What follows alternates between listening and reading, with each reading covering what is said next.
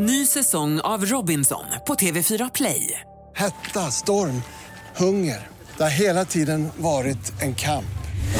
Nu är det blod och tårar. Fan händer just nu. Det. är Detta är inte okej. Robinson 2024, nu fucking kör vi!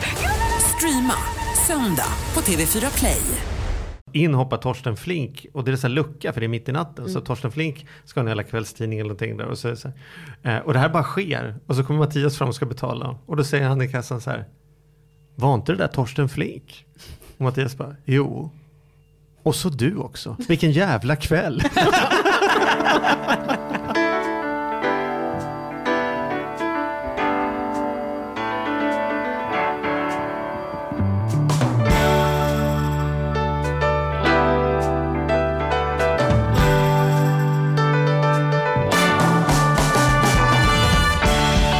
Hej och välkomna till På riktigt med Charlie och Mattias. En podd om ekonomi på riktigt i samarbete med ICA-banken.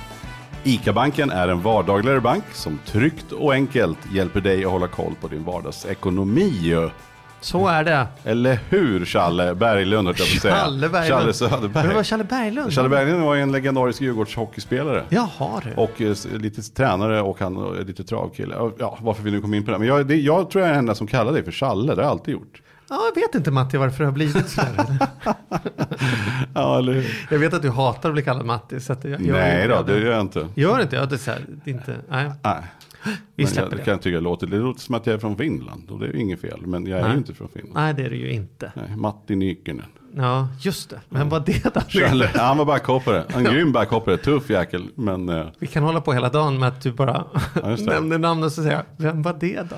ja, ja. Challe, hur är det? Du, det är bra. Jag tänkte faktiskt, eh, jag vet inte om du har sett det, men vi, vi, jag tänkte skicka ett litet tack till alla de som lyssnar för att vi har ju fått, eh, jag var inne och tittade på podcaster vad vi har för betyg. Vet du vad vi har? Just det, kan på ju ha- Apples eh, podd Ja, eh, då kan man ju få så här eh, 3,4, 7, alltså så här, eh, 5,0 det är liksom max då. Mm. Vet du vad vi har i betyg? Nej. 5,0 Wow. Hur många är det som har röstat då? Två? jag, nej, det, nej, det tror jag man måste ha fler. Man måste ha ett gäng, minst 10 eller något för att Nej, den ska men det är väl kul. Ja, men då kan vi hoppas att alla som lyssnar på oss går in. För i bästa fall tänker jag då, om vi uppmanar folk att de ska rösta Ja. där under Ja. iTunes eller podcaster. Då tänker vi att eftersom de lyssnar på oss så kanske de tycker att vi är bra. Så just därför kanske vi får fortsatt bra betyg för oss. Tycker ni att det är bra, jättegärna gå in och prenumerera på oss och ge oss ett omdöme. Tycker ni vi är dåliga, varför Nej jag skojar. Då kan du skicka ett mejl och berätta vad vi kan göra bättre. Och jag vill också passa på att tacka där vi verkligen, våran tanke från början var ju att det här skulle vara ett samarbete, inte ba- bara mellan oss utan också lyssnarna. Och nu är det många ämnen där vi får förslag, den här personen eller det här tänker jag. Och, Så det är kul Och att se tack att för alla mejl ska vi också passa på att säga. Det är otroligt roligt att eh, vi får så mycket feedback på podden. Men gå gärna in och skriv mer på Facebook, tycker jag är kul. Ja. Eh, Så, så att, eh, ja. Men, vi ska ju eh, gå till jobbet också. Nu ska vi gå till jobbet. Nu och, har vi eh, en ska jättespännande gäst. En så jädra ball brud tycker jag. Alltså, Ja. Jag tycker hon är skithäftig. Så att, eh, fan, vi tar in henne. Ska vi, vi bara rulla igång?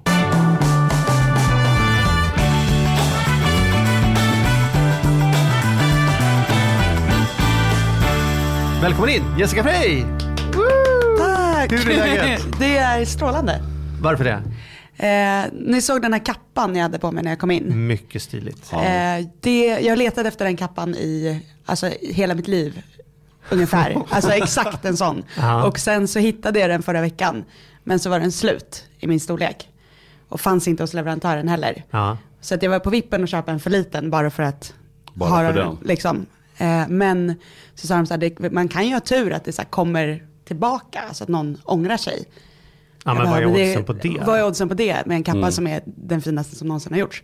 Här, vi, vi har märkt att här måste vi ju ta, vi får ta en bild efteråt och lägga ut så, vi, så ni kan gå in på Facebook-sidan och Det finns ju alltid en bild på oss tillsammans med gästen. Ja, precis. Så nu ska vi den inte glömma den, vi Med kappan. Nej, men då ringer de igår och så här, den har kommit tillbaka i din storlek. Men vänta, vänta. Hur, hur vippade du på den här affären? De ringer upp dig för att de... Nej men lägger- jag förklarade ju att det här är min högsta dröm i Aha. livet. Alltså, Oj. de såg att jag var liksom totalt förstörd över att ha hittat Så den. du lämnade ändå- ditt telefonnummer och sa så här, om det kommer in en kappa Ja. med mitt namn på, då vet Jag måste ringa direkt, jag, vet, jag kan betala nu liksom. Ja. Men, men är det här, då tänker jag så här, för du, jag menar så här, du är ju väldigt tjusig eh, när du är här och liksom så här kappan och så här. Är du, Jessica är alltid tjusig. jag vet Så och det är det jag tänker så här, jag, det jag undrar är så här, är du väldigt varumärkesmedveten. Va? Du bygger dig själv på ett fantastiskt sätt Mm. upplever jag.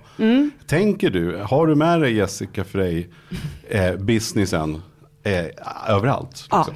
det har jag. Eh, alltså mitt varumärke är ju jag. Liksom. Så Mm. att det är ju så här, visst det är ju ett strategiskt tänkt, fast det är ju samtidigt jag. Mm. Alltså det utgår ju från att jag redan är så, om man säger. Men Eh. finns det en moodboard som hänger ihop både mellan bokomslaget och garderoben? Och, eh, Alltså det finns en tanke med, med det mesta. Det är för det var som var så roligt här. Vi har ju haft rätt många gäster. Mm. Och när jag mejlade till dig så, så jag hittade din mejladress och en kompis som hade mejlat det. Och sen så mejlade jag dig. Och då fick jag svar från en agent. Mm. Det första av alla våra gäster som svarar via sin agent. Och det tyckte jag var jävligt proffsigt. Mm. Jag jobbar själv som agent. Så jag, liksom, min vanliga, så jag uppskattar det. Jag tycker Mm. det. Men då kände jag, shit alltså, här är det hela vägen. Ja, jag började jobba med min agent Edith för lite mer än två år sedan. Eh, och det är på riktigt det bästa beslutet jag har tagit någonsin i min karriär. Innan kappan. Ja, precis. Näst efter kappan kanske. Men det var inget stort beslut, det var ju bara ett flaxköp. Ja, Eh, Men det att skaffa en agent är ju ändå ett, eh, ett medvetet val och ett, en stor investering och ett stort beslut. Liksom. Eh, Men det har verkligen frigjort otroligt mycket tid för mig som gör att jag kan fokusera på det jag kan. Eh, Och eh, just att sådana saker, att man får en förfrågan, ska jag vara med i den här podden? Då behöver inte jag själv sitta och tänka så här, ah, är det bra grej för mig eller har jag tid med det? Eller Men vänta liksom... nu Jessica, det måste väl varit en no-brainer, precis som kappan. det borde jag Om väl. Charlie och Mattias ringer så kan det väl inte vara någon lång beslutsprocess. Men grejen är så att är jag, du inte ens, jag lägger inte ens tid på att tänka på sånt längre utan att ha kollat det med min agent. Så att allt som kommer in skickar jag vidare och sen så får jag så här, så tar ju hon och jag ett samtal. Eller, liksom, eller så kan det till och med vara så att hon, hon vet ju redan vad jag Ja, tycker och vill. Så att då kan ju hon svara utan att liksom, Ja, men jag tycker det briljant. hon har min kalender och hon ser när jag kan. Nej, jag är sårad. Ja, jag, ja, nej, men jag tycker att just agenttänket är helt rätt. Kanske beror på att jag är i samma bransch. Men jag tycker att det är fantastiskt Du bra tycker ha att man ska ha en agent? Jag tycker definitivt man ska ha en Tycker du att man ska betala sin agent lite eller mycket Mattias? Vad tycker du? Nej, man ska betala. Nej, det, det går vi inte in på nu. Men du, vi har ju inte skött oss här, vi har inte Nej, ens vi pratat måste om vem börja Jessica exakt. är. Precis, liksom. vi måste backa band. Det är så roligt, vi bara kom igång här. Men jag, vi, för du måste ju berätta från början. För att du, din karriär ska man säga, eller i alla fall den här karriären tog ju fart. För att jag såg ju dig i Sveriges Mästerkock. Jag tycker det är ett väldigt roligt program som jag också är väldigt matintresserad. Och då vet jag att jag såg dig där. Men då kom du inom situationstecken bara femma va? Eh, då. precis. Men kan du inte berätta, var, var det där som var startskottet? Liksom? Kan du inte berätta, vad, vem är du? Vad gör Ja. du? Alltså startskottet var egentligen långt tidigare. Jag har ju lagat mat sedan jag liksom kunde stå eh, och gå. Och alltid varit väldigt så här, intresserad av mat. Trots att det liksom egentligen inte har varit en, ett intresse som har frodats i min familj. Liksom. Så att jag, när jag redan när jag var liten så sökte jag mig liksom till andra som lagade mat. Så jag var så mycket jag kunde hos min mormor och farmor. På dagis hängde jag mest med vår kock där, Gunilla. Eh, och så, här, så att jag har alltid velat laga mat. Men i min familj eller min närhet som barn så fanns det ingen som jobbade som kock. Därför min första kontakt med liksom, kock, liksom matlagning som yrke, om man säger, var när jag såg Tina Nordström på tv. Eh, alltså Mat-Tina. Mm, mm. Och då tänkte jag ju direkt att så här, ja, men jag ska bli tv-kock när jag blir stor. Mm. Eh, och då var jag ju 11 ungefär. Mm. Eh, men eftersom jag är världens otåligaste person så var det så här, varför ska jag vänta med att bli tv-kock tills jag blir stor? Jag kan ju bli det nu. Eh, så då formulerade jag liksom en programidé där jag tänkte att jag ska lära andra barn att laga mat. Eh, som, och så hade jag massa recept redan som jag hade börjat skriva ner och sådär. Så skickade jag in det till eh, TV4 då för att jag tittade väldigt mycket på deras barnprogram och tyckte de var jätteroliga. Mm. Tänkte att det kunde passa in där. Eh, de eh, nappade inte på, på den idén. De fattar inte grejen. helt enkelt. Eh, och då var det inte heller, det här var ju alltså 2000, ja 2000. Så då var ju inte matlagning så stort som det är idag. Nu finns det, Det ju, kom väl med Tina, det var väl därefter någonstans det började. Precis, Så. och, så att ja, det var, ju, det var ju Tinas program som gick. Mm. Punkt. Nu går det ju hur mycket matlagningsprogram som helst. Också bakning, grillning, alltså att det finns kategorier Ja, det är ju inom. hysteriskt egentligen, men alla tycks ju funka. Eller Det finns ju en anledning till att det är hysteriskt. Mm. när jag, det jag känner till om kanalerna så är det ingen som har planer på att lägga ner det heller. Så Nej. Det, kom, det kommer ju bara fortsätta. Precis, eh, så att, men då var det inte riktigt på det sättet. Så det var lite mer trögt. Jag tror att det hade gått mycket bättre om jag hade skickat in en sån idé idag, liksom, när Mm eh, intresset är så stort. Eh, men hur som helst så i samma veva så blev jag glutenintolerant. Så att jag blev väldigt sjuk och eh, sådär. Och så kände jag själv att det blir väldigt svårt att vara kock om man är glutenintolerant eftersom jag inte kan så här, smaka på maten och hit och dit. Eh, samtidigt så är jag inte den som så här, lägger saker på hyllan. Så att det var mer att jag valde att inte söka mig till restaurangskolan och utbilda mig till kock under gymnasiet utan började fundera mer i andra banor. Så här, hur ska jag ändå komma dit men inte via liksom, restaurangbranschen om Ja, man säger. Eh, och så tittade jag ju då som en besatt på Masterchef i England och Australien via en tv-kanal som heter BBC Food som bara sände matlagningsprogram. Ja, Såklart, häftigt. min Shit, favoritkanal. häftigt. ja. Den är nerlagd tyvärr. eh, eller den finns inte. Ja, men det, jag tycker jag bara blir så fascinerande när man verkligen gillar att gå in. Så alltså, det är häftigt med den storyn. Det är, Ja. ja. Eh, Vi träffade en boxare om veckan. Han hade en karriärplan som han skrev när han var 12 år gammal. som han fortfarande levde efter Ja. i detalj. Det är ganska coolt. Det är man, är ju, ja, alltså man är ju samma person egentligen. Nej, men Alltså, inte man, du är det. Men väldigt många är så här, du vet, den, om mitt 12-åriga jag. Jag hade inga planer på att jag skulle bli någon ekonomiperson i tv direkt när jag Nej. var 12 år. Inte som att det... Eller det det kanske dig inte fanns någon Mattias? förebild inom det så du kunde inte tänka ut det liksom. Sverker fanns väl när jag var liten. Sverker var inte så mycket ekonomi Shout out kanske. Men, Sverker. ja, ah, ja, ja, men okej. Då, då, vill- ja, fortsätt. Ja, då eh, var det... Gluten blev lite din grej kan man säga. Nej, Eller men- gluten är inte hennes In- grej. Nej, Nej. inte min grej. Nej, men det- grejen är att den eh, satte lite så här, eh, hela planen i, ja, i obalans. Mm. Liksom. Om jag inte hade fått det så tror jag att jag hade så här, eh, ja, men, gått restaurangskolan på gymnasiet och utbildat mig till kock och börjat jobba i restaurang och tagit den vägen. Eh, nu gjorde jag inte det och det här ska man också komma ihåg att nu är gluten super, super vanligt. Då var ju det så här att man var värsta ufot. Typ. Men Jag jag måste också säga om- bara, att, eh, jaha, Ja. nu pratar vi på munnen på Ja, då tar vi tagning två. Får Kör. jag köra då? Mm. Nej, men det är så, du, du har ju ett enormt driv och för mig så var det så här också på tal om mat och grejer så, så såg jag din syrra som spelade tillsammans med Erik och Lotta på ett, jul, eller så här, ett julbord som jag. Jag känner Erik och Lotta lite grann. Så att, eh, och då fick jag ju upp ögonen för henne och tyckte bara shit vilken grym artist hon var. Eh, och sen så... Vem är ja, det? men- Det här har jag Ja men det missat. här är ju då alltså Jessicas storasyster Julia. Mm. Eh, och när jag tänkte Jessica Frey så tänker man ju så här, vänta nu, Julia eller Jessica. Så här. Men det är ju rätt fränt. Och ni båda känns ju Charlie som, Mattias. Ja, men, det är det. men är det inte också så att ni båda är väldigt, ja men ni drivs ju väldigt mycket och är väldigt framgångsrika. Mm. Eh, var kommer drivet ifrån? Är det en familjegrej? Det roliga var att hon också var spelade på julbord, men det kanske inte hade med mat att göra. Det kanske var att hon... Eh, faktiskt anledningen till att hon kom i kontakt med dem från första början var att Lotta la ut på Twitter så här, vi behöver en, någon som kan spela i, i Historieätarna, eh, så här Bellman-sånger. Eh, och Julia har alltid så här, eh, kunnat typ alla Bellman-sånger. Så att jag svarade direkt eftersom jag följer Lotta eftersom jag just är matintresserad. ja, ja, så häftigt. så här, ja men min syster, ni måste ta min syster. Och hon här, ja men jag älskar ju Julia, är det sant? Liksom. Och så började de jobba sen med, med julbordet. Ehm, jag har också varit på det. Fantastiskt. Ja, visst var Ehm, det. Ja. vad, vad var frågan? Vad kommer Jo, drivet är, var ifrån? kommer drivet som, jag tänker om det kommer från familjen, jag tänker att vi båda två är, eh, det skiljer två år Mm, mellan er va, men jag tänker att ni, ni är båda väldigt framgångsrika, fast det är ändå olika, lite Precis. i underhållningsbranschen båda två, ju, fast med olika inriktningar. Hur var det så redan när ni var barn? Att ni var som så här, Ja, alltså vi, jag tror så här, att vi har båda haft turen, jag och Julia, att födas med ett extremt stort intresse för ett ämne. Så att Julia har ju sjungit hela sitt liv, hela tiden och varit helt inne på det. Jag har lagat mat hela mitt liv och varit helt inne på det. Eh, och där, det är ju inte alla människor som har den turen att ha ett sånt stort intresse. Och när man börjar med någonting från att man är två år så hinner man ju få ganska mycket erfarenhet. Liksom, Mm. Så att man Ja, är verkligen.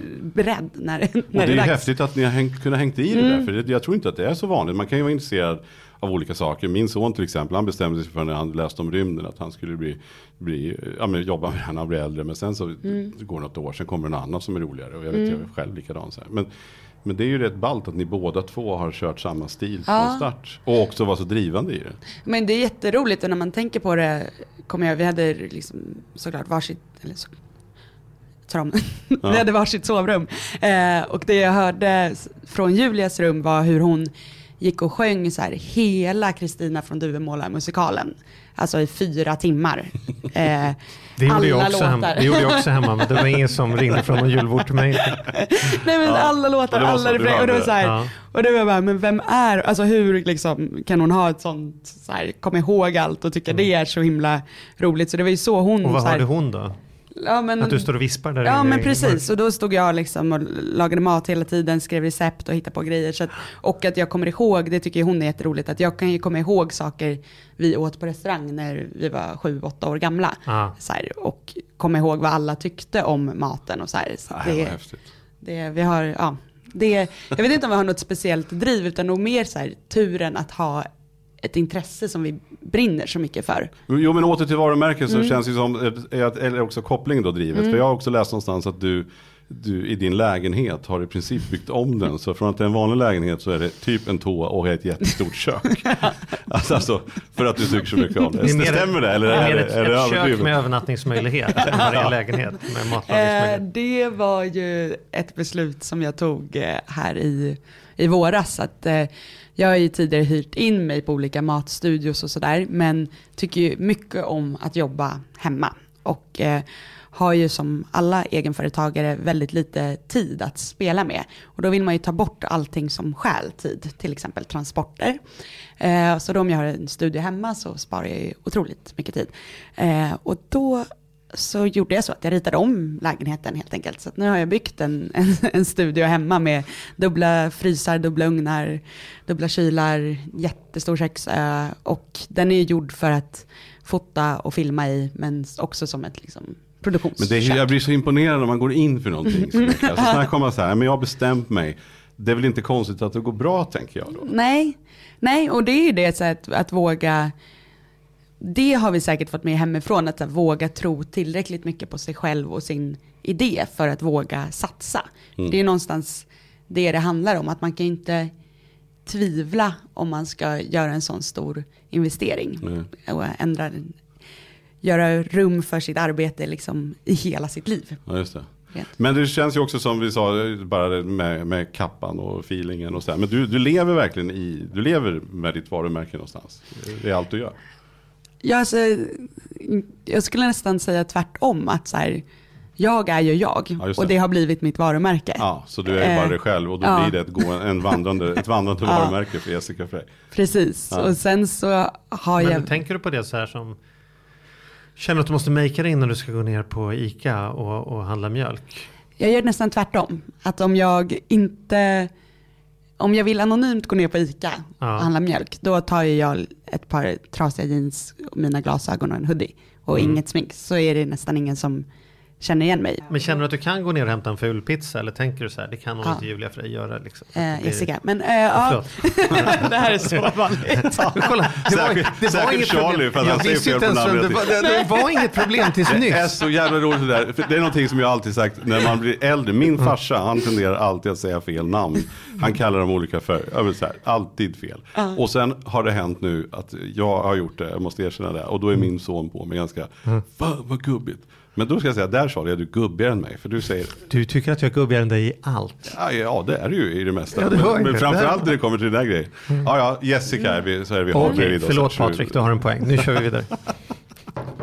Ja. Eh, jo, jag känner att jag kan gå och köpa en pizza Ja. om, jag, om jag vill det. Eh, men, eh, men det är ju just, jag kan tycka att det är, om man har klätt ner sig för att inte bli igenkänd och sen så är det ändå någon som kommer fram och kommenterar vad man har i korgen när man går och handlar. Då kan man ju känna att så här, ah, det kan ju vara skönt att kunna gå och handla utan att så här, jaha, du lagar det här, okej, varför då? Alltså, att ibland vill man ju bara kunna rusa igenom. Och där tycker jag, jag, tycker, jag har inget problem, man får jättegärna komma fram. Det jag tycker är jobbigt i de situationerna, det är att jag vill inte vara, verka dryg. Men om jag har kort om tid eller är stressad så kanske jag inte har tid att prata. Och då kan jag känna att så här, det var jobbigt om det här blir hen, hennes eller hans bild av mig, att jag inte tog mig tiden att prata med den personen när den äntligen vågade sig fram.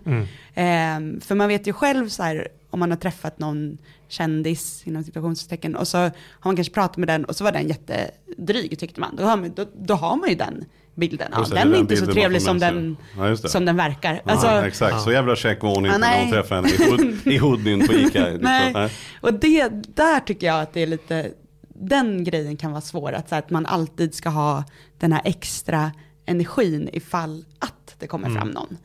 Ehm, det, och det har ju inte med att göra att jag inte vill prata med den personen eller någonting, men Nej, nej, men ibland absolut. orkar man bara inte. Nej. Men man liksom. kan ju inte, det finns väl inget som säger att man måste vilja prata med alla människor hela tiden. Eller är det bara jag som är så introvert? Men, Nej, men det är men, så här- nej, men jag, alltså, Ja. verkligen, det kan ju vara, särskilt när man, när man eh, just när du kommer i, i maten och i Mm. affären så är det ju lite grann du då. Så, och det, men det kan jag känna igen när man har stannat och tankat eller så här, särskilt när vi, när vi kan inte du berätta om din favorittank, din, din bästa tankningshistoria? Vad var det då? När den där taxin mitt i natten utanför Nyköping, när det var personer före dig. Det var då, jag ville väl ha Torsten Flink. Ja, Ja, men jag kommer knappt ihåg. Torsten. Nej, vi släpper Torsten. Nej, jag, ja. det roliga var så här, jag kan berätta jättesnabbt historien, så kan du ta bort den om inte gillar den. Mattias då ska, liksom, jag tror att taxin ska tanka eller så, och så bara in hoppar Torsten Flink och det är så här lucka för det är mitt i natten. Så Torsten Flink ska ha en jävla kvällstidning eller någonting där och så, så här, eh, Och det här bara sker och så kommer Mattias fram och ska betala och då säger han i kassan så här, var inte det där Torsten Flink? Och Mattias bara, jo. Och så du också. Vilken jävla kväll. så, understated, det var liksom det enda som sades. Ja, men det var ju Södertälje. Ja, det var jättekonstigt och klockan var väldigt sen. drömmer jag nu? Ja. ja, det var lite märkligt. Vilken Ja. jävla kväll. Ja. Nåväl, jag, jag, nu undrar jag så här. Du, du är ju kock då. Vi, säger, vi kallar det där kock, för vi har inte listat ut riktigt om vad som krävs för att vara kock. Men du jobbar ju med mat på heltid och inspirerar människor recept och sådana saker. Men du har inte gjort liksom restaurangresan alls. Nej, jag har jobbat i restaurang. Eh, jag började jobba tidigt. Eh, så här, frukostvärdinna och så på olika kaféer och som Nisse och stått i bar. Alltså Nisse.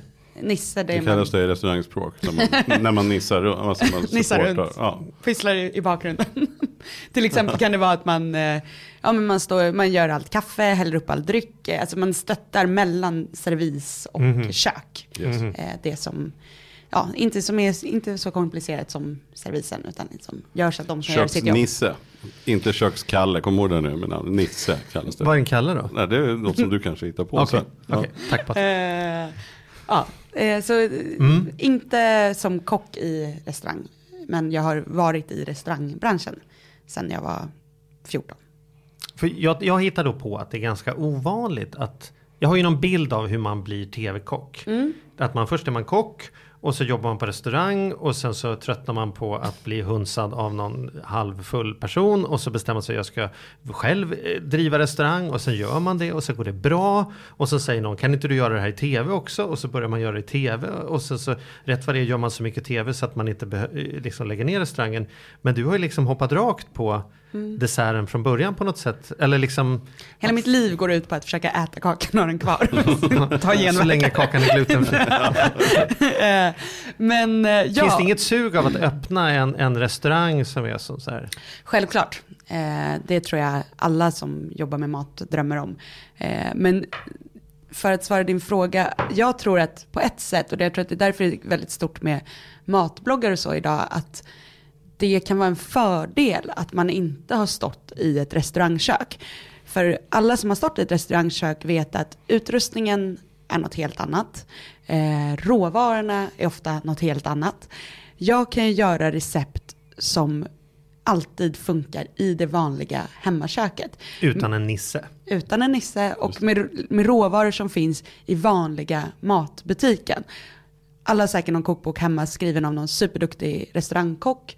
Och så här, jättemånga recept är jättesvåra att göra för att det är så här, vad är det där för svamp? Den har jag aldrig sett att man kan köpa. Nej, Ta- för det går inte att köpa den på ICA. Du kan bara köpa den Ja. av den här grönsakshandlaren. Ta ett ankskrov bara. Ja, bra. Var, har, jag, var har jag Ja, det? men det är om man går ner i Hötorgshallen förvirrad och så här, Ja. Mm. med någon inköpslista och vet inte var man ska börja leta. Eh, så därför tror jag att så här, för att skriva kokböcker, skriva recept och laga mat i tv behöver du absolut inte kunna jobba i en restaurang. För det har ingenting med varandra att göra. Du, jag, jag gör ju recept för folk till hemmet. Mm. Eh, jag gör inte recept till andra kockar. Eh, och då är det viktigaste att jag är bra på att förmedla, alltså är pedagogisk i hur man förklarar hur man ska göra den här maten hemma. Och där tror jag bara att det är fördel att jag har, jag har samma stekpannor, jag har samma skärbrädor, jag har likadan spis som de flesta. Just det, man känner igen sig och känner att det här kan jag också göra. Eller det här liksom, ja. Precis. Men hur ser, hur ser en vanlig vecka ut i ditt liv då? Om, man, liksom, om jag hade smugit med dig nu som, som Nisse en vecka. Varit vad, hade jag, vad hade jag sett dig Eh, göra? Liksom, Precis, det, det finns absolut inga vanliga veckor och det finns inga veck Alltså det finns ingen veckouppdelning skulle jag nästan säga. Alltså jag vet aldrig vad det är för veckodag för det flyter, flyter ihop så mycket. Och just nu så är det det tempot att jag, jag glömmer vad jag gjorde igår i princip. För att jag redan är på, på nästa dag och har dagen i, i huvudet. Liksom. Eh, men eh, som den, ja idag är jag ju här med er. eh, sen så ska jag iväg och, och handla lite eh, råvaror från ett specifikt företag som jag ska ta fram lite recept till. Så jag ska köpa de produkterna och ta hem och testa, testa lite saker med det. Sen så ska jag göra recept för Nyhetsmorgon som jag kommer gästa på söndag. Så då ska jag laga igenom den menyn ikväll och bara se att alla, allting Att det stämmer. funkar, liksom. Ja. så nu mitt i veckan vet du inte vad du ska laga i tv på söndag? Jo, jag har bestämt vad jag ska laga, men jag har inte skrivit, eh, skrivit recepten Aha. än. Måste du berätta för dem vad du ska laga och ska de godkänna det och sådana Mm. saker? Eller? Precis, jag, jag kommer med förslag på vad jag ska laga. Ja. Eh, hittills har de aldrig sagt nej, det funkar inte. Mm. Men det kan ju ske. Men det kanske är om de har haft pizza två Ja, söndagar på raken så behöver man inte ha en tredje variant på pizza. Mm. Utan då vill man kanske ha en annan. Mhm. Exakt, så att nu så ska jag, ja, laga, jag provlagar alltid alla mina recept för det tycker jag är jätteviktigt att det är så här, står det att det ska vara salt i så ska det stå hur mycket salt det ska vara. Så att man, om man inte kan laga mat så ska man inte behöva gissa sig fram. Utan om man följer mitt recept så vet man att man får det så som jag tycker att det ska vara. Sen kanske någon annan har en annan smak, men då Mm. blir det i alla fall rätt. Eh, och eh, på lördag ska jag upp till Sundsvall och stå där i ett köpcenter och laga mat och signera böcker och sådär. Så jag ska också packa ihop lite och förbereda för det. Och sen, vad är det för dag imorgon? Fredag. Ja, och eftersom jag då är i Sundsvall hela dagen på lördagen, tar ju fyra eller fem timmar att köra upp och sen är jag där och sen kör jag hem. Eh, så kommer taxin till Nyhetsmorgon halv fem på söndagen. Så måste jag imorgon då packa ihop allt jag ska ha med mig. ha med, ja, ja, så att det är kittat och klart. Jag tar ju med liksom allt från stekpannor till bestick till självaste maten. Eh, och sen är det vissa matmoment som jag kommer behöva förbereda dagen innan. Så Och det, här, och det här är inte en speciellt kaosig eller ovanlig vecka utan det här är vad det, det, är. det här liksom. är en, en helt, helt vanlig vecka. Men vad häftigt, men hur, hur blir det då? Så jag menar så här, du har ju valt att hålla på med, med mat. Det Mm. är tidigt, tydligt. Men sen har du också blivit egenföretagare på köpet. Mm. Eller trots eller mot. Sådär. Alltså, så här, hur, hur blir det där då? För att ha bra koll på mat är också att ha bra koll på ekonomi egentligen. Mm. Hur man nu ska få ihop råvarorna, det ska funka ekonomiskt eller så. Men hur är du på ekonomi då? Och hur känns det att vara egenföretagare? Jag tror att jag fick väldigt tidigt hand om hela barnbidraget. Eh, och lära mig hushålla med. Så här, ska man köpa kontantkort och kläder och alla utgifter själv.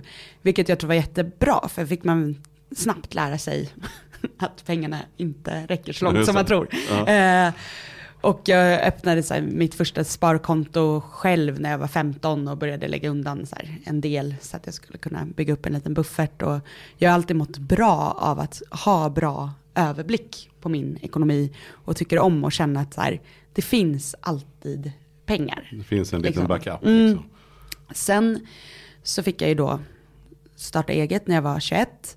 Eh, och det var ju, här, då blir det ju väldigt svårt att vara den här personen som älskar att ha mycket pengar på kontot och eh, ha den här stora överblicken. För att när man är egenföretagare så måste man också våga riska Ja, det är lite tiden. det jag tänker på. För det, är ändå så här, det kan ju inte varit från att ha varit med där i Mästerkocken, även om du har ett, Mm. ett enormt matintresse och har alla förutsättningar ju, som man uppenbarligen kan ha, så kan det ju inte bara vara rätt in, det finns ju fler och du är en ganska hård konkurrens och som vi sa, det är så oerhört stort. Så det, Mm. det måste ju ändå ha varit en ganska tuff och stor risk när Mm. du drog igång. Liksom. Precis, jag, mitt första år bestämde jag mig väldigt snabbt att så länge jag tjänar, då pluggade ju många av mina vänner eftersom jag var 21.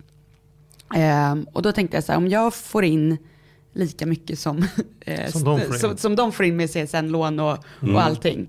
Då så kan ju vi i alla fall leva samma standard och, och då går jag inte back på något vis. Just alltså jag gjorde någon sån plan Ja, men för det mig är Funkar, funkar det, då eller? Ja, det funkade. Hur mycket är det på ett år? Bara så att vi får en känsla Oj, för. på ett år. Jag, vet, jag tror det är så här 8000 i månaden eller någonting. Mm. 8000 i månaden. Den är ungefär Ja, 100 det var om då, året då. Så 100 000 Ja. omsatte du första året. Nej, alltså, Eller alltså fick jag ut. menar, ja. Fick ut eh, Precis, det i andra blir- änden. ja. Ja. Ehm, och sen, och det var egentligen, alltså, jag tror att det gick bättre än så, men jag menar för att våga. Mm. Just det, det alltså var ditt min- mål. Om ja. jag bara klarar upp det, mina Mm. kompisar, de klarar sig på det här, då ska väl jag också kunna göra det. Precis. Mm. Ehm, så det, så gjorde jag för mig och jag tror att det kan vara en bra grej om man ska våga starta, att så här, räkna ut någon slags lägsta nivå Ja. ja. Ja. Eh, och jobba mot det, för då blir ju allt annat plus. Mm. Häftigt. Eh, sen så, och, ja, då hade jag ju inga utgifter i mitt företag. Och det är ju positivt med att jobba som jag gör egentligen, att det är, det är inga kostnader. Det är inte som att öppna restaurang, att du ska köpa in maskiner och hyra Ja, lokal. just och, utan då jobbade jag, det var ju bara liksom allt som fanns i mitt huvud Det var som du jag som tog. kom med dig själv. tog- ja. Du, ja, precis. Ja. Eh, Det är det man tar betalt för. Mm. Eh, Men sen har det varit det svårare i att, i att vara egenföretagare, att så här, lära sig att inte bli stressad över att du vet inte hur det ser ut nästa månad eller Mm. Om ett halvår eller om två år. Det kan man aldrig veta.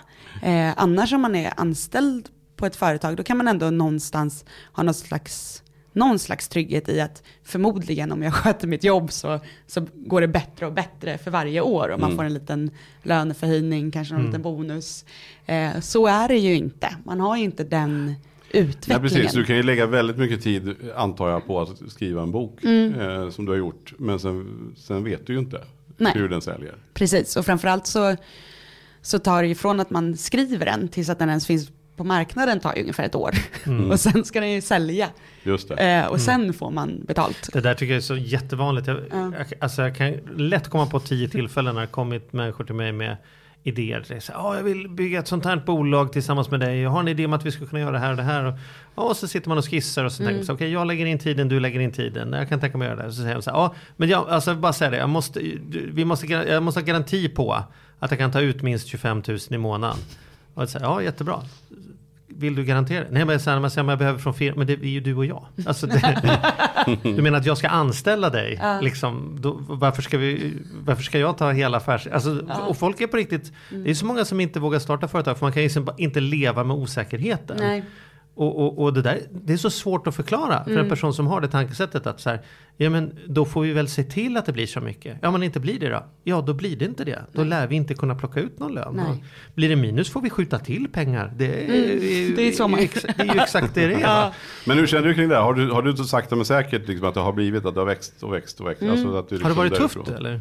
Alltså, egentligen det som har varit tufft är just att lära sig att man inte vet. Alltså att lära sig slappna av med det. Man kan inte ligga sömnlös för att man inte vet hur det ser ut om ett halvår eller ett år eller om två månader. Utan det är bara så här, mm, men nu får vi tro på det här och att det kommer gå. Och det har varit liksom det, ja, det har varit svårast för mig som person för att jag är egentligen en person som tycker Du är ju om den att- som stoppar undan pengar Ja, egentligen. och precis. Och, buffert. och ibland så har man ju fått tömma allting. Mm. Och vara så här, nu går jag in, nu satsar jag på det här och då måste jag lägga pengarna här. Mm. Och så får vi börja om från början. För det är också, när det går bra så kan man ju investera i, i grejer som gör att det kan gå ännu, Ännu bättre. bättre. Eh, och då hamnar man ju på ett sätt på noll igen. Eh, men om man inte gör det så kommer man ju vara kvar på noll. Men Alltså- samtidigt så tänker jag ju att du, eller så här, du- måste ju också vara medveten om att för om, varje gång du nu liksom ökar eller Mm. liksom, nu satsar vi ännu mer. Så tänker jag ändå att vare sig vi kallar det för varumärke eller vi kallar det för Jessica Frey Mm. så har ju ändå någonstans det marknadsvärdet successivt ju ökat. Du, känner du dig tryggare och tryggare liksom? Ja men det gör jag ju. Eh, och ju längre man håller på med någonting så ju bättre blir man ju. Mm. Eh, så att absolut, jag känner ingen, jag känner mig väldigt trygg i nu att jag har, jag har koll på bitarna, allting snurrar på, jag vet vad jag gör idag och nu har jag en, en plan framåt så att jag, jag känner ingen sån, ingen sån stress längre. Men det, det har varit det som har varit svårt att lära sig att, att det är mycket står på spel hela Men tiden. det- och det ja, men handlar bara på, hänger bara på mig. Ja, Det men jag, jag, jag upplever ju också så här, för man får ändå anse att, jag menar, du, har ju, du började så himla tidigt Mm. och jag upplever idag att det är fler som vågar, man, man, man satsar och sådär. Och mot när, när, när jag var 20 så var jag ju typ ensam om att vara egenföretagare. Det var ju väldigt risky och så. Men vad är dina tips då? Man, sitter, för man känner så här, vad, vad, hur ska man tänka på alla? För det finns ju så otroligt många som är duktiga idag. Mm. Jag vill påstå att idag så finns det många som är jävligt mycket bättre i olika fack än vad vi var när vi var 20. Ja, och världen vi var är alla global. så här ganska ändå- allround, alla Ja, kunde någon. Men, ja. men nu är ju folk så förbaskat duktiga. Man är duktig på att, att plåta eller göra hemsidor eller snickra. Eller alla sticker ut och blir så jävla duktiga. Precis som Mm. du var då. Så har gått in för det här 100%. Så någonstans vill jag komma till här, att jag tycker det ser annorlunda ut. Och då undrar jag så här, hur ska man våga då? Vad är dina tips? Liksom? Jag fick ju ett jättebra tips faktiskt från min eh, fantastiska agent när vi började jobba ihop och jag skulle börja sätta så här, vad ska min nästa bok handla om och vad ska vi göra nu? Och då sa hon något så enkelt till mig som så här, gräv där du står. Och för mig idag så låter det helt självklart. Men då var jag så himla förvirrad i så här, vilken mat ska jag laga? Eh, och vi pratade innan om lite, innan vi började här, om lite stjärnkrogar. Och, och då var ju jag väldigt så här, men vad kan jag som inte någon så här stjärnkock kan, kan bättre? Hur ska jag komma ut? Så, vilken är min grej? Eh, men hon sa det så här, gräv där du står. Då var det så här, men jag, jag lagar ju mat som går jätte, jättesnabbt att laga. Jag tycker om att använda sånt som redan finns hemma. Ha så få ingredienser som möjligt. Eh, kapa moment så långt det går. Det som jag tycker är spännande i matlagning det är att ta så här, ta ett recept som är ganska krångligt och se så här, kan jag på något sätt ta bort grejer här och ändå få samma slutresultat. Till exempel om man ska göra en köttgryta, så så här, man ska bryna köttet först, man ska göra massa förberedande grejer och så, så här, hmm, kan man bara lägga ner allt i grytan och sätta på och låta det koka. Och så testar jag då så här, båda versionerna, så här, hur mycket smak tappar jag om jag tar bort alla de där momenten. Eh, och ibland så, så kan man ta bort ganska mycket utan, och ändå få något jättebra resultat. Eh, så det har ju då blivit min matlagning. Snabbt, gott, enkelt. Eh, och det tror jag är nyckeln i allt. Att här, försöka tänka ut vad är jag bäst på? Om man då vill jobba med fotografering till exempel. Eh, då kanske man är absolut bäst på att fota träd. Typ. Mm. Så inte så många som fotar träd bara. Liksom. Det är bättre att bara nischa in sig till på att det. vara bäst Ja. träden. Ja. Nischa sig ytterligare. Liksom. Ja, alltså så här, vara så, så nischad som det bara går tror jag är idag det viktigaste på något vis. För att det finns, just att det är så många som, Ja, som just är det, så för bra då. Mm. stämmer ju ändå tesen, för det är det jag känner också, att man, det blir mer och mer specialiserat. Men för att sticka ut då så behöver du, ditt tips är att våga nörda ner ännu mer Mm. i det som du är riktigt bra på. Eller det som är din grej liksom. Precis, för det är också det som du brinner för. Och då kommer du också ha energin. Eh, än att du ska hitta inspiration hela tiden. Om du är fotograf, älskar att fota träd. Men vet att så, ah, men det, är mer, det finns ju alltid jobb om man fotar bröllop. Mm. Då kommer du ju hela tiden behöva pusha dig för att ta de här fota bröllop jobben för att det är egentligen inte det du tycker är roligt. Så jag försöker plåga dig igenom det för att sen ha lite tid att fota träden. Eh, alltså- Istället för att fota mycket träd och göra det jävligt bra. Ja, och Ja, så här, kanske ha lite is i magen då att så här, det kommer ju ta längre tid att, innan pengarna börjar trilla in på trädnischen. Men Du kommer få harva runt mycket längre. Men samtidigt så riskar du lite mer. Så då kanske du ändå är bra att ha den där bufferten när du börjar med träden. absolut, men det är också att du kommer också ha roligt hela vägen fram till målet. Mm. Och det är det som är så viktigt, att inte tappa, tappa passionen eller tappa drivet. För att du, allt du gör är kul. Just det, och då är det okej att ha en ambition som, det är ju, alltså lägg det på studie, studiemedelnivån då. Eh, Mm. Det beror ju också helt på när man börjar. liksom. Ja. Alltså det är ju jättelätt att säga för mig som var 2021. Jag hade inte jättehöga eh, levnadskostnader. Är man 45 och ska börja och har en stor villa och tre barn. Då är det ju klart extremt mycket jobbigare utgångsläge. Eh, så att där, alltså, Jo det är det ju, samtidigt så är det ju intressant för det är ju ofta den här klyschan som det är inte de stora inkomsterna och så vidare. Och det är Mm. verkligen, det- det går ju att dra ner på rätt mycket om man nu vågar och vill tro på den idé man har. Så ska man ju komma kan, ihåg- eh, Dra ner mycket av de fasta kostnaderna. Men just som att köpa sig den här uthålligheten som du pratar om, Mm. Att man, att man se till studiebidragsnivån. Liksom, så här, det här, om, om, om jag verkligen ska satsa på det som jag är passionerad för, och som är nischat och som är speciellt, då, då vill det ju till också att man köper sig tid. Va? Säger så här, det kan få ta tre år innan, innan det här ger någonting. För det har jag sett till att jag har råd med. Men då kan man nog inte behålla villan och två bilar och säga, ska man just få åka på semester också? Ja, inte Nej. nu liksom. Jag, jag har ju inte aldrig varit någon plugghäst och aldrig varit så bra på den biten. Men då har jag istället också, inte bara med pengarna i studiegrejen, utan tänkt så här, att man ser det hela som en utbildning också samtidigt. Att det tar kanske två, tre år innan man har kommit upp på den nivån man vill vara. Och då har man inte heller slösat någon tid, för det hade tagit tre år att utbilda sig till någonting också. Mm. Så att, Ja, ja, eh, man kan, den tanken kan så hjälpa en att ta bort lite stress på flera sätt. Liksom. Bra. Men det är ju hur häftigt som helst. Du har ju kommit väldigt, väldigt långt eh, redan. Och det känns som att du lever lite din dröm just nu. Men vad, vad, vad är, om du, du har ju naturligtvis ännu större mål och drömmar, tänker jag då. Vad, är, när, vad är det? Framförallt så känner jag att eh, på jättemånga plan så är, är jag lite framme. Eh, men jag har ju inte, alltså, jag har ju inte hunnit vara här framme tillräckligt länge för att känna att, att jag är så pass uttråkad att jag vill göra något annat om ni förstår vad jag menar. Nu är det ju mer så här, gud vad skönt. All, jag, har, jag har min agent, jag har skrivna böcker, jag jobbar för de tidningarna jag vill jobba för. Jag har precis startat en egen YouTube-kanal som är nytt och jättespännande. Jag är på Nyhetsmorgon så att allting nu är ju mer att jag är så här, gud vad skönt. Nu, nu är det många boxar här som är, är Just i det. fyllda. Eh, så att min dröm just nu det är ju att jag har ju väldigt långsiktiga planer med många olika projekt som jag inte vill avslöja. Men eh, jag vill ju fortsätta Men du kan ju framåt. säga lite om de här i alla fall. Det säger till oss bara. Nej men jag, jag, är jätte, jag är extremt nöjd med så som mitt liv ser ut nu. Både jobbmässigt och privat. För det som man också ska komma ihåg om man sitter hemma och så här, drömmer om att starta eget. Är att om man jobbar med sin dröm så är det inte ett jobb längre. Det känns aldrig som ett jobb. Utan det är allt man gör, går, liksom, jobb och fritid går ihop på ett sätt som gör att du så här, hela tiden har mer energi.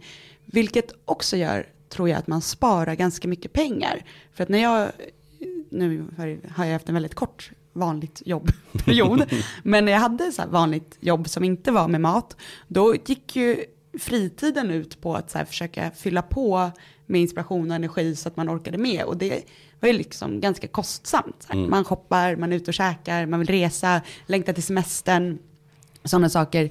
Nu ser jag att så här, mitt nöjeskonto privat, det, det är så litet att det är ett skämt. För att jag gör ju så roliga saker i mitt jobb hela tiden att jag behöver inte göra så mycket kul på fritiden. Men det är ju Alltså- häftigt. Alltså, ja. Förstår du vad jag menar? Ja, ja. jag förstår precis, det är så man vill ha det.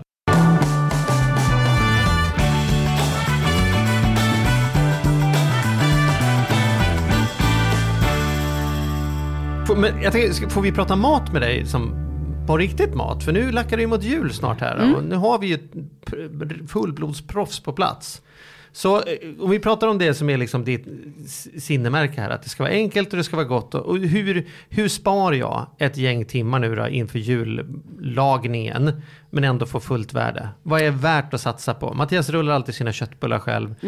Istället för köper köttbullar. Jag gravar alltid laxen själv. Liksom här, var, var, var kan man spara in? Var borde man satsa? För det första så ska man, eh, när jag är lite, passa på och göra lite reklam för min YouTube-kanal. För där visar jag hur man gör rullfria hemgjorda köttbullar. Man kan spara otroligt mycket tid genom att inte rulla köttbullarna.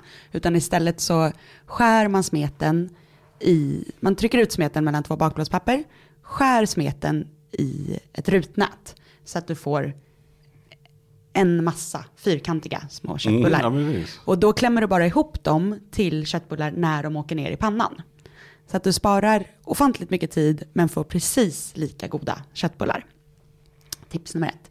tycker att om Jag såg också receptet var saltpeppar och sen var det en matsked eh, lökpulver. lökpulver, lökpulvret spar man också. För det kör jag också. Det är Ja. fantastiskt med lökpulver. Och det beror på att mina barn inte gillar lök, konsistensen av lök. De har inte gjort det någon gång. Så att lökpulver är den kryddan som går mest hemma hos mig. Och jag var så glad för jag tittade ju på det här just här, innan du kom av. Så jag var lite påläst. Så jag tittade på dina köttbullar just. Och såg att det, det du hade var typ saltpeppar och, Ja. eh, och eh, lökpulvret. Precis. Det har jag en sån här stor, extra stor av hemma. Den, bara, den går till allt. Fantastiskt. Jag tror inte jag har lökpulver ens. Lökpulver är ju så här, det är ju torkad pulveriserad lök. Så det är, ing, alltså det låter ju som någon konstig tillsatsgrej. Nej, det är men det är, det är lök. Eh, Ja. Så det är, där sparar man ju också tid att inte stå och riva och hacka och få tårar i ögonen och bryta ihop. Eh, som man gör. Eh, Okej. Ja, bra. Ja, men det är jobbigt, Ja, man, ja, är, är man är stressad och så ska man hacka lök. Ja. Och så liksom börjar tårarna rinna och så här, man ser inte vad man gör. Det är jättejobbigt moment tycker jag. Ja. Eh, gravlax, om man tycker att det är ett kul projekt så är det toppen att lägga tid på det.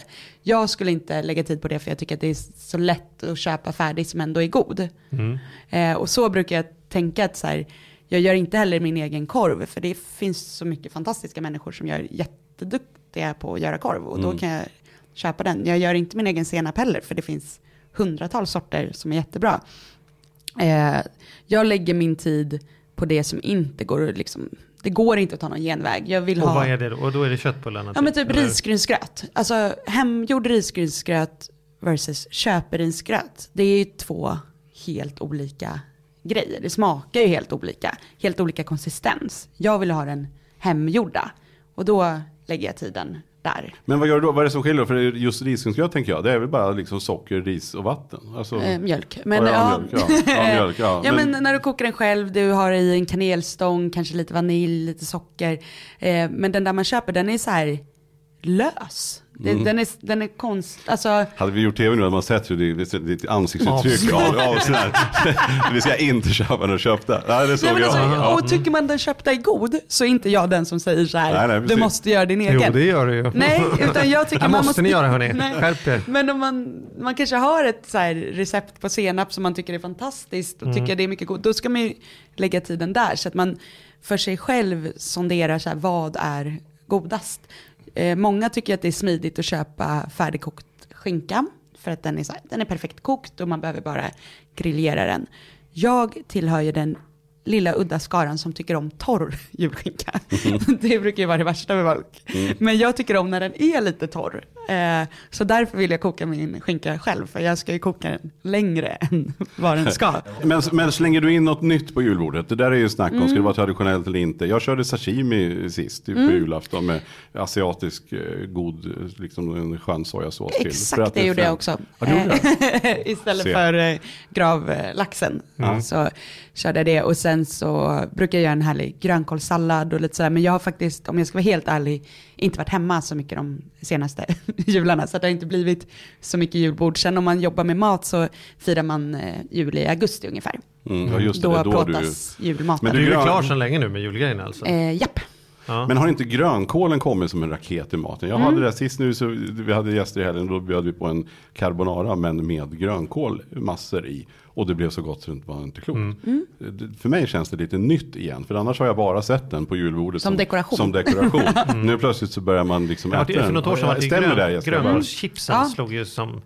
Det höll jag ju på och gjorde grönkålschips hemma. Ingen hade förklarat för mig det att det luktar skunk i huset Mm. i typ tre veckor efteråt. Så liksom så här. Mhm. Det var ju gott men allting luktade bara grön. Allt luktade grönkål. Kläderna, allt, allt luktade grönkål. Jaha, men det gör det inte när man lagar den, kan jag Nej. säga, när man Nej. har den i carbonara. Ja, Eh, eh. Kål överlag har ju kommit väldigt mycket senaste tiden. Eh, och det tror jag är med den här lite nordiska trenden som har varit, att vi har börjat blicka mer mot vad, så här, vad odlar vi här uppe och vad, vad är bra.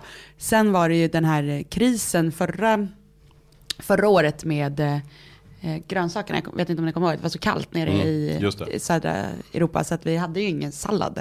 Allt frös ju, frös ju bort, vilket Ja. gjorde att man lagade ju extra mycket med så här kål och sånt. Och då tror jag att man hittade på rätt mycket Mm. nytt just. Och då fick den ett uppsving. Och många kom på att det, det är jätte, jättegott. Härligt. Men eh, då är tipset att man kan gå in på din nya YouTube-kanal. Man söker, Ja. man söker på Jessica Frey. Eh, Den heter Lättlagat med Jessica Frey. Ja, men då så. Och där hittar man köttbullarna i fyrkanter. Precis, rullfria köttbullar. Ja. Ja, Du. Jessica, ett enormt stort tack för att du kom. Tack, Superkul tack, tack. att ha dig här. Ja, spännande. Ja. Vi hörs och ses. Ja, tack.